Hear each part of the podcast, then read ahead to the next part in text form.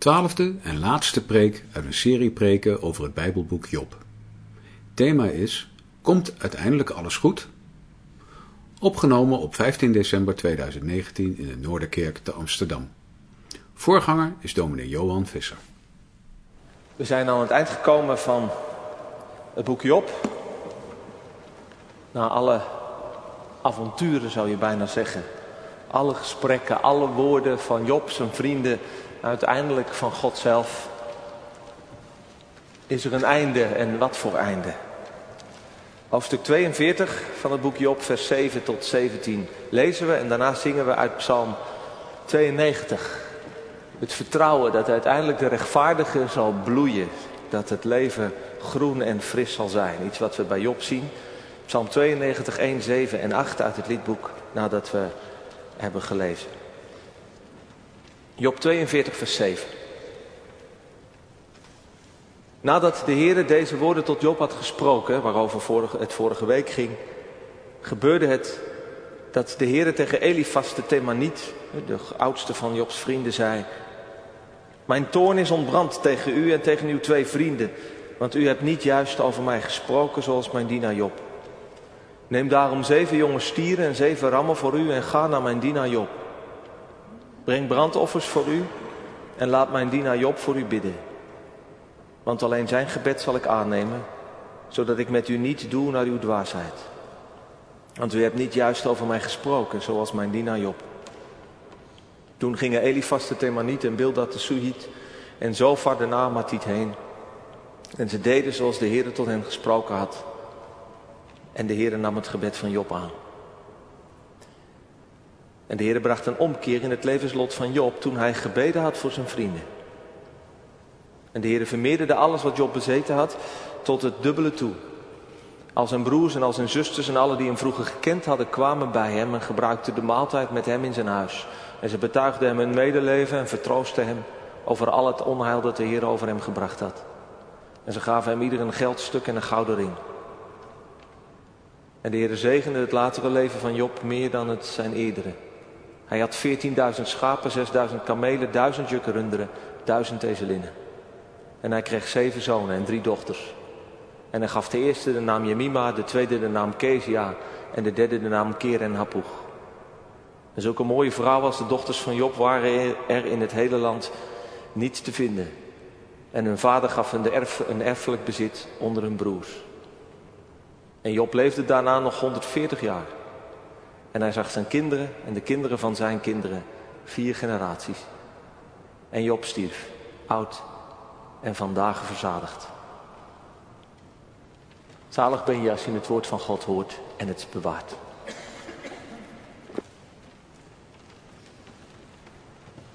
Gemeente van Jezus Christus. Ik had er nog nooit van gehoord. Een Russisch einde en een Amerikaans einde. Die termen die komen uit de geschiedenis van de film. Aan het begin van de 20e eeuw was er namelijk in Denemarken een grote filmindustrie. En die maakte films voor veel meer landen. Onder andere voor veel landen in Europa, Rusland, andere Europese landen, maar ook voor Amerika. En die maakte één film met twee verschillende einden. Een Amerikaans einde waarin alles goed komt. Voor het land van Disney en vooruitgang en optimisme. En een Russisch einde. Voor het land van Dostoevsky en de melancholie. Waarin er minstens een grote ramp gebeurt aan het eind. Een van de hoofdpersonen sterft. En je ook nog met die open vraag blijft zitten. Hoe zal het precies gaan? Het is ook wel een belangrijke vraag voor ons, denk ik. Een heftige vraag misschien wel. Hoe, hoe loop je leven af? Wat voor einde zal het hebben? En voor onze wereld. Komt het goed? Of eindigt het rampzalig of loopt het gewoon maar door? Nu, het Bijbelboek Job heeft, om zo te zeggen, een Amerikaans einde. Na alles te hebben verloren, behalve zijn God, brengt God een keer in het levenslot van Job. Is zijn einde een happy end. En zo happy dat het bijna sprookjesachtig en ongeloofwaardig wordt. Dubbel zoveel bezittingen. En hij was al de rijkste man van het Midden-Oosten. En hij krijgt een dubbel mensenleven terug. Twee keer 70 jaar. 70 jaar is een, is een gezegend mensenleven in de Bijbel. 140 jaar. Dus twee nieuwe levens krijgt hij erbij. Alleen hij krijgt niet het dubbel aantal kinderen. Want ja, zijn tien verloren kinderen, die kun je natuurlijk niet vervangen. Die horen er ook nog bij. In zijn herinnering en ook bij God. En uiteindelijk is hij dan wel de vader van, van twintig kinderen, veertien zonen, zes dochters.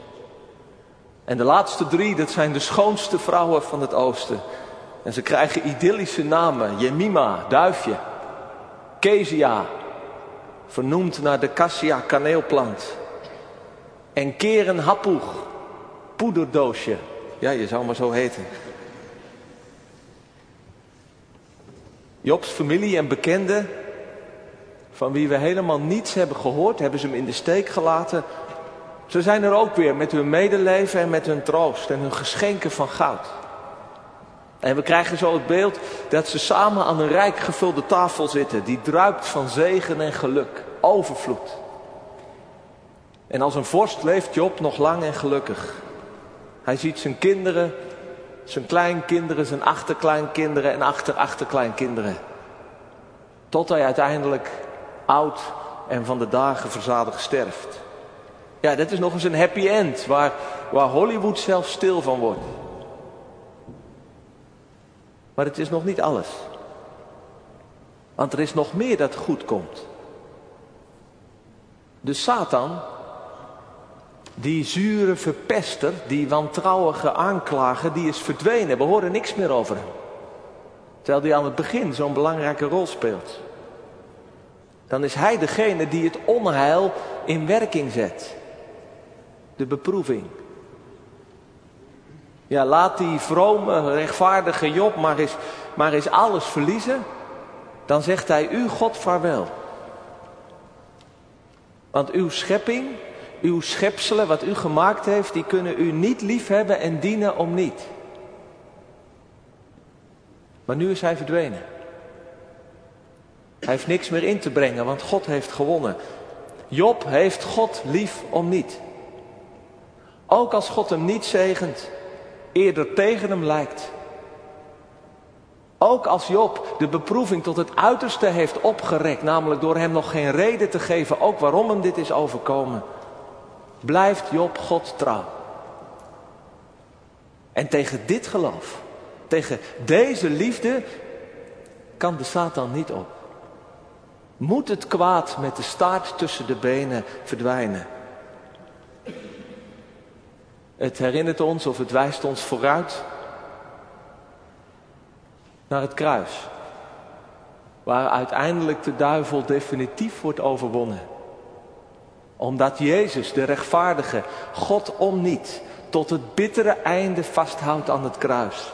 En andersom, waarin hij als zoon van God eveneens om niet, ondanks alle afwijzing, tot het bittere einde de mensheid de wereld lief heeft dan is het kwaad gebroken. Dat is denk ik goed om te beseffen.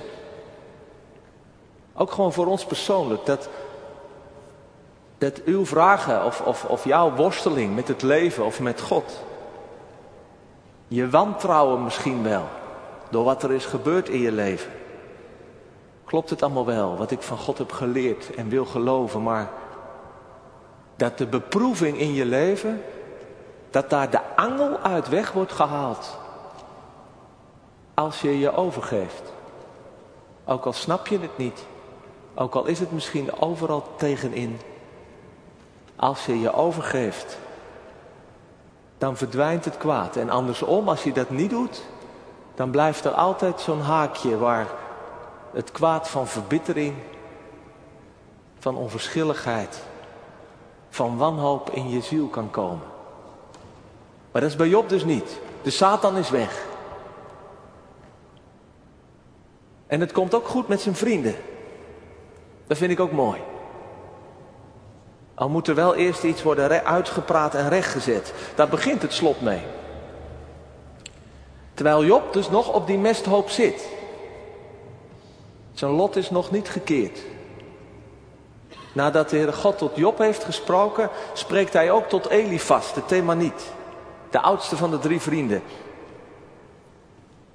Dat is wel een beetje ironisch, want Elifas was notabene degene die had tegen Job had gezegd dat hij maar, maar moest dimmen. En zijn mond moest houden tegen God, want had Elifas gezegd, God maakt zich echt niet druk om ons mensen. Hij vertrouwt niet eens op zijn engelen, laat staan dat hij, dat hij, dat hij iets met ons mensen zo te maken wil hebben. En nu spreekt God. Die zich volgens Elifas eigen theologie hoog in de hemel niks met, met nietige aardwormen eh, te maken wil hebben, tot hem. En God is boos. Want Jobs vrienden die hebben niet juist, niet gefundeerd, dat is het woord wat er wordt gebruikt, niet gefundeerd over hem gesproken. Terwijl Job dat wel heeft gedaan. Dus Job krijgt gelijk. Hij wordt bevestigd dat wat hij heeft gedacht en gezegd, dat het goed was. Dat is natuurlijk ook wel iets van een gelukkig einde. Dat hij tegenover zijn vrienden die hem beschuldigden, die met hun theorieën hem tot zwijgen probeerden te krijgen, dat hij openlijk in het gelijk wordt gesteld. God gaat niet meer op de inhoud van hun spreken in. Maar ik denk dat het verhaal wel een hint lijkt te geven waarom Job wel juist en zijn vrienden niet juist hebben gesproken. In het Hebreeuws staat er niet spreken over God, maar spreken tot. Job heeft juist, en jullie, vrienden, jullie hebben niet juist tot mij gesproken. Dat voorzetseltje tot, dat kan ook over betekenen. Maar in het boek Job wordt het nergens zo gebruikt. En als je die, uh, die gesprekken tussen Job en die vrienden naleest, dan is dat ook een van de grote verschillen tussen hen. Zijn vrienden die spreken altijd over God, nooit tot God. Terwijl Job in die gesprekken heel regelmatig zich direct tot God wendt. En aan het einde natuurlijk helemaal. Dan zegt hij, nou moet u mij maar antwoorden. Dus Job die is het gesprek aangegaan, de dialoog. Hij heeft het gewaagd met God, om tot God te spreken, te loven, te vragen, te klagen, ook aan te klagen zelfs. Maar uiteindelijk ook zich te laten gezeggen, als God antwoordt. En zich aan God toe te vertrouwen. Als God hem meenam in de schepping en hem iets liet zien van de grootheid van God en zijn zorg. Dus op basis van dit gedeelte zou je kunnen zeggen dat goed spreken over God in de eerste plaats spreken tot God is. Of, of met God. En onjuist spreken over God is alleen maar over Hem spreken. Dus om het gewoon maar praktisch te maken, als je niet bidt, als je niet leert om tot God te spreken en dus ook te luisteren, de dialoog aan te gaan, dan kun je nog zoveel over God zeggen, of vragen, of debatteren, of klagen, of waarheden verkondigen, maar het is ongefundeerd, er zit geen basis onder. Het heeft geen bodem. En uiteindelijk zou het zomaar kunnen zijn dat het niet goed is. Ik vind het wel verrassend en ook wel een beetje grappig eigenlijk. Dat een van de meest filosofische boeken van de Bijbel. Waarin ellenlang wordt gesproken over God en over het leven. Dat het eindigt met spreken tot God. Dat het een soort uitnodiging is om te bidden om het gesprek met God aan te gaan. En ik denk dat hebben wij ook nodig. In onze gesprekken, in onze diensten. Op de kringen. In de koffiebar. In hoe we met mensen spreken voor wie God een vraagteken is. En misschien ook wel in jouw eigen denken over geloof. Dat we het niet redden als we alleen maar over God spreken. Maar alleen als we tot God spreken. En ik denk dat ons geloven vaak toch nog wel een beetje een monoloog blijft. Waarin we zo rond onszelf en ons denken en ons voelen en ons vinden en ervaren blijven cirkelen. Terwijl het bevrijdende van geloven in de Bijbelse zin juist het dialoog is. Dat je niet bij jezelf blijft, maar dat je spreekt tot God en dat je ook aangesproken wordt. En luistert naar het antwoord. En dat vraagt best wel wat. Stil worden. Luisteren. Misschien net als bij Job. Eerst eens naar het nulpunt gaan. Om te moeten zwijgen. Want het wezenlijke, denk ik, van geloven is toch altijd weer dat dat een, een, een ik-jij relatie is. Zowel tussen God en mens als tussen mensen onderling. En dat wij altijd weer de neiging hebben om het onpersoonlijk te maken. Ik, hem of, of, of iets. En ook met anderen natuurlijk. Ik en die ander. Denk er eens over na. Om evenveel u of jij tegen God te zeggen als over God te spreken. En ook om God terug te horen spreken.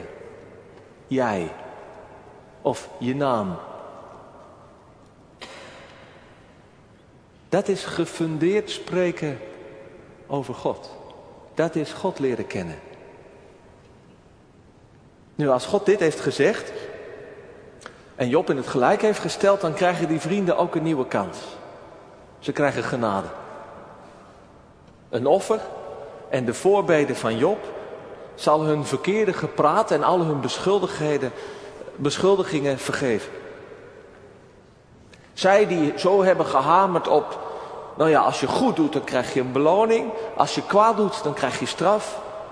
die, die profeten van karma, zij leren hier dat God die ijzeren wet van goed en kwaad doorbreekt. Met een offer. En met de voorbeden van zijn knecht, van een ander mens. En daarmee komt trouwens ook uit wat Elifas ooit al had gezegd. Die had gezegd, Job, als jij je, als jij je gaat bekeren, ja, dan, dan, dan zul je zelf weer andere zondaars kun je dan weer redden. Nou ja, dat laatste gebeurt. Alleen zij blijken de zondaars te zijn. En ze moeten het hebben van in hun ogen, die in hun ogen vervloekte Job. En Job bidt voor ze. Ja, natuurlijk. Dat deed hij in het begin al voor zijn kinderen. En dat, doet, dat is wat rechtvaardigen doen. Net als Abraham voor Sodom bidden. Bidden in plaats van oordelen. Zegenen in plaats van vervloeken. Goed doen in plaats van vergelden. Ja, dit is nou echt een happy end, vind ik. Job die in het gelijk wordt gesteld, die het wint en die dan bidt voor zijn tegenstanders. Zodat die wel terecht worden gewezen, maar uiteindelijk niet de verliezers worden. Ze krijgen een nieuwe kans en mogen opnieuw beginnen. Het happy end van verzoening. En dan komt er een omkeer in het levenslot van Job. De Heer bracht een omkeer in het levenslot van Job toen hij gebeden had voor zijn vrienden. Dat was mij nooit opgevallen. Dat hij eerst het goed maakt met zijn vrienden en dat hij dan pas van zijn ziekte wordt genezen en van de, van de mesthoop vandaan komt. Er is dus een verband tussen verzoening en een happy end. Een echte omkeer in de wereld en in onze levens. Je wordt niet gelukkig. Het komt niet echt goed als de relaties niet hersteld worden. Als je alleen in je eentje wordt gered. En ik weet het, soms gaat het niet. Is het niet anders? En dat kan heel pijnlijk en hard zijn. Maar laten we doen wat we kunnen. Omdat de redding van de ander verbonden is met onze eigen redding. En laten we doen wat we kunnen. En in ieder geval zoals Job voor ze bidden. Maar met dat ik zeg, soms gaat het niet, soms is het niet anders, komen we bij de laatste vraag. De vraag misschien wel, bedacht ik mij. Komt het altijd goed? Ja, nee, natuurlijk niet, dat weten wij wel. Niet, bijlang niet iedereen eindigt zoals bij Job. En we kunnen niet simpelweg meer zeggen nadat we Job hebben gelezen, nou bij de mensen bij wie het slecht eindigt, ja dat zijn de vervloekten, die heeft God gestraft. Die simpele logica, logica gaat niet meer op. Maar komt het uiteindelijk goed? Ik zit wel eens te denken, als ik een preek zit te maken, denk van, wat zijn nu de vragen waarmee u komt, waarmee jullie naar de kerk komen? Het zullen heel verschillende vragen zijn en het wisselt misschien van zondag op zondag ook. Maar is het ook niet deze vraag? Misschien de vraag. Is het waar waar het in de Bijbel over gaat? En uiteindelijk is het waar dat het goed komt. Hebben we ergens echt op te hopen? Of is dit alleen weggelegd voor Job en nog een paar gelukkigen? Of is dit een soort bijbels mooi sprookje van ze leefden nog lang en gelukkig? Is het waar? Komt het goed?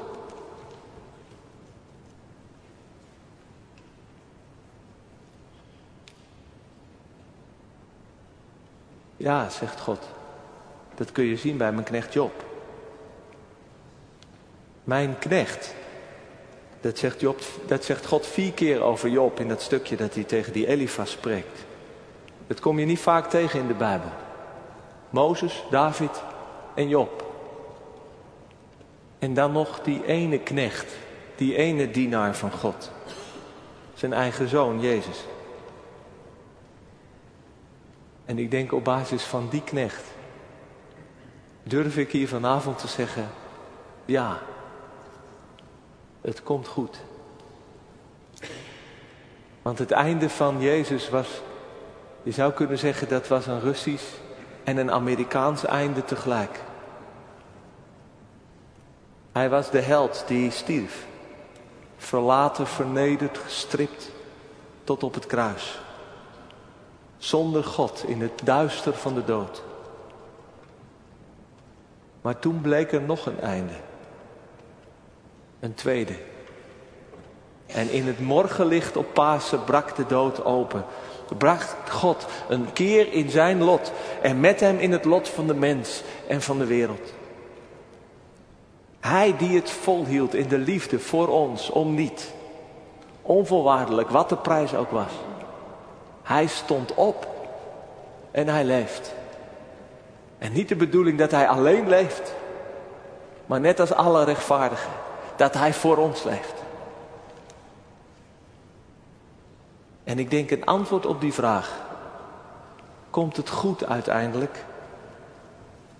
Krijg je niet in het algemeen. Dus mijn ja dat ik hier zeg is een gevaarlijk. Ja, dat kan nog te veel theorie zijn. Zo van ja, nou ja, in de kerk hebben we nu eenmaal hè, een, een, feel-good verhaal. Dan moet je wel een beetje positief naar huis gaan. Nee, dat antwoord dat krijg je alleen. Net als Job. Als je het waagt met hem. Als je met hem, die is gestorven en opgestaan, als je met hem op weg gaat. In de liefde voor God, om niet.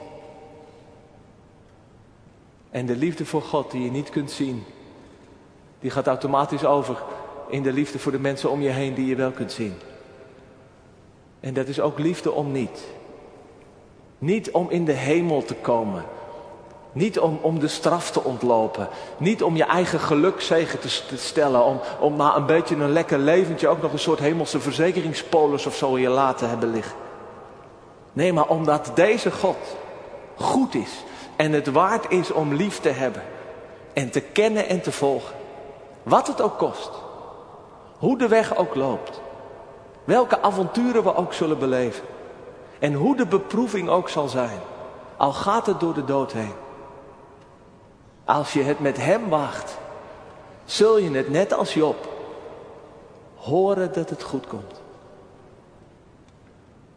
Zoals Juliana van Norwich. Zij was een, eh, een middeleeuwse mystica en heilige. Zo'n wonderlijke, zoals in de middeleeuwen. Maar middeleeuwen zullen van ons denken dat wij ook wonderlijk zijn. Dus ze liet zich onder andere in de kerk van Norwich aan, aan de muur metselen. Zo in haar eentje, zo'n kluizenares. En zij hoorde in de tijd dat ze vreselijk ziek was, kreeg ze een aantal visioenen van de leidende Christus. En in een van die visioenen is ze diep verdrietig over het kwaad dat in de wereld komt.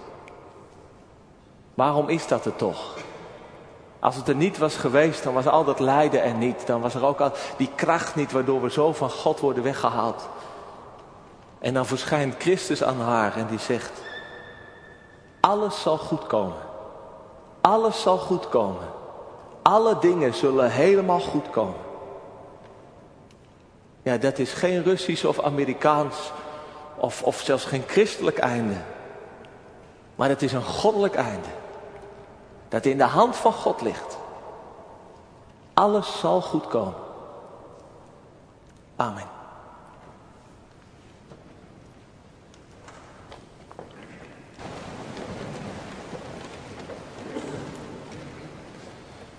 Laten we samen bidden en danken. Eeuwige, grote en allerbarmhartigste God. Wij danken u voor de afgelopen tijd dat we het boek van uw knecht Job hebben gelezen. Wij danken u voor de Bijbel. Zo echt en eerlijk en tegelijk ook weer zo anders en zo uitdagend en zo hoopvol. Heere God, wij bidden u voor ons allemaal. Dat wij u zullen kennen en dienen om niet. Verlos ons van het voor wat hoort wat. Van het idee van karma. En ook van de hang naar zekerheid. En de angst waardoor we ons leven niet wagen en geven. En leer ons te leven in liefde en overgave. Wij bidden u, wees bij hen die beproefd worden door tegenslag, teleurstelling en verlies. Beproef hen niet te zeer, Heere God, en verras hen met een omkeer in hun lot. Wij bidden u, Heere God, voor de mensen die het allemaal zo goed weten, in de kerk en daarbuiten, die over u spreken, zonder dat ze tot u spreken. En wij bidden u ook, wees bij ons en leer ons bidden. Leer ons wat het is om in dialoog met u te leven. En laat ons hier in de Noorden een gemeenschap zijn waar we dat voor elkaar en voor de stad en voor de wereld meer en meer doen. Zodat door ons bidden en geloven en leven uw rijk komt. En Heere God, we hebben gehoord en ik heb het gezegd. Dat het goed komt. Alles komt goed. Wij willen het vooral tot u zeggen. Laat het goed komen. Zeg tegen ieder van ons dat het goed komt. En laat ons zo leven dat onze levens een teken zijn. In deze wereld waar zoveel stuk gaat en zoveel wanhoop en onverschilligheid is. Dat onze levens een teken zijn. Dat het echt goed komt. Met u en door u en voor u. Zegen ons deze week, ieder van op ons op onze eigen plek. Om zo hoopvol en uitdagend en echt en eerlijk te leven met u. We bidden het in de naam van Hem. Die als die stille ster van uw pracht, de ster van uw genade, is verschenen en er blijft staan tot aan het einde van de nacht, aan het einde van de tijden. Geprezen zijn naam. Amen.